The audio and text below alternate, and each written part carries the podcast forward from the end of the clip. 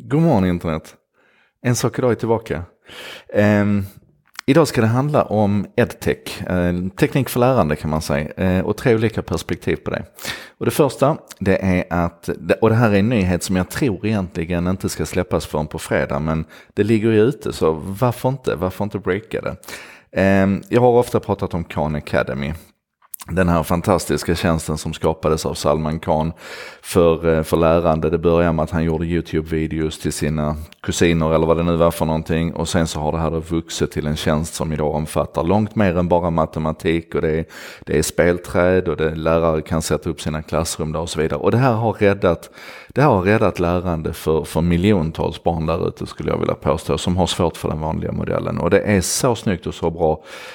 Och det har funnits inledningsvis på engelska och sen på spanska och sen på många, många, många andra språk men inte på svenska. Men nu är det på gång! Så att om du går till sv.kanacademy.org eh, så kommer du se ett embryo där till den svenska versionen. Och det är ett litet, litet, litet, litet team, framförallt en man faktiskt, som har varit igång och, och, och börjat göra den här översättningen nu. Och det behövs mer folk på det, men nu kan vi se att det här verkligen rullar.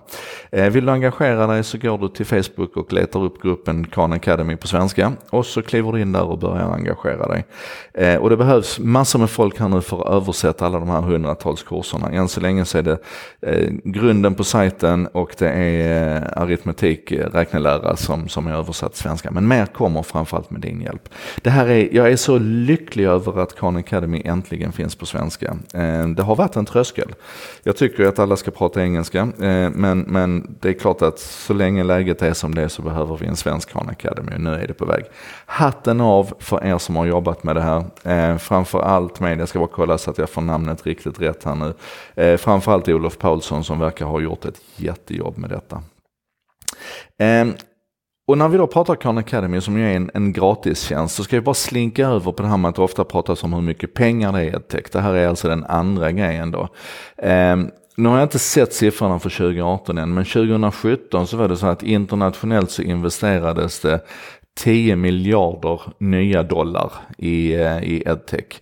Eh, och man pratar ju om edtech som en, en eh, eh vad heter det, biljon dollar industri eh, globalt så här med eh, både den tekniken som utvecklas men också med plattformar och tjänster och så vidare.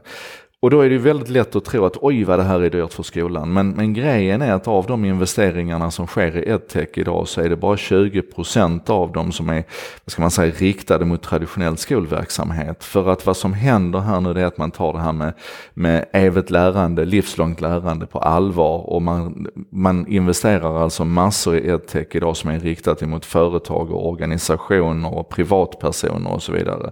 Så att av de investeringarna som någonstans då liksom kan ta tolkas som en indikator på hur mycket pengar man tror att det finns att tjäna på teknik för lärande så är det bara 20% som går till riktat mot den traditionella skolan medan resten då handlar om, om eh, det större skopet av lärande. Och jag tycker det är viktigt att hålla i, hålla i huvudet för det pratas ofta om hur, hur dyr tekniken är för skolan. Och Khan Academy då är ju ett exempel på en gratistjänst. Det finns massor med sådana gratistjänster, jag har pratat om Duolingo och så vidare, som utmärkta tjänster för skolan att använda som är gratis. Men det är ju inte bara då de här ideella och semi-ideella aktiviteterna som är, är, gratis för skolan, utan andra gör ju också spännande saker.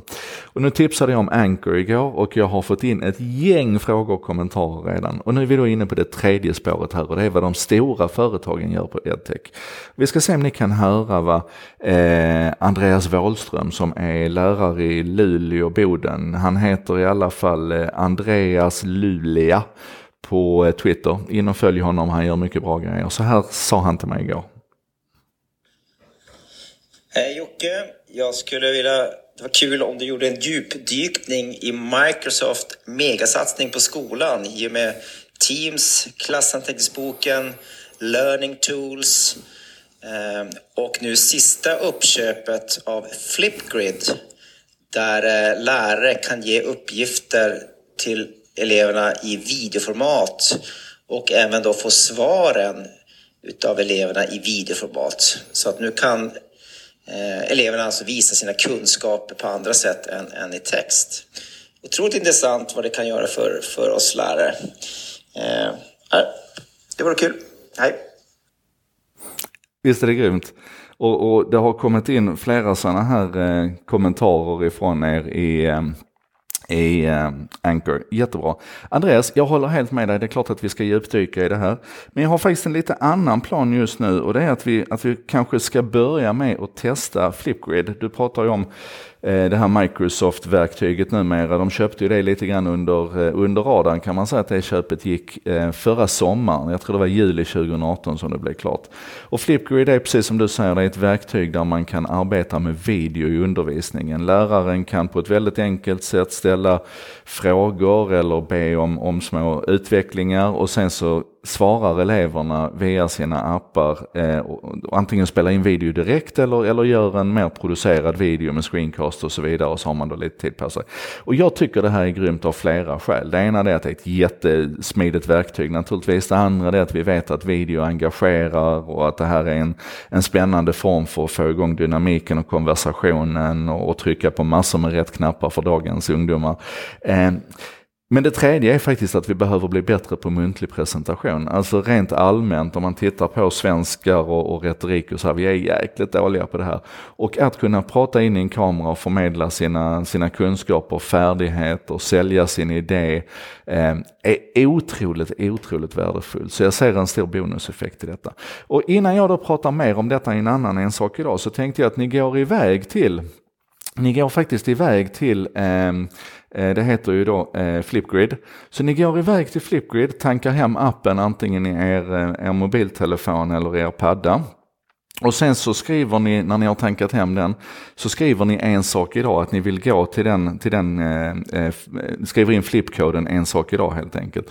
Och då kommer ni till en, då kommer ni till en sida som ser ut så här, där jag har lagt upp två stycken frågor två stycken tankar som jag vill att ni ska försöka utveckla. Den ena handlar om livslångt lärande och den andra handlar om vad du kan göra i bilen. Allting kommer att bli glasklart när ni går dit där. Så att ta nu hem appen Flipgrid eh, och skriv in flipkoden en sak idag.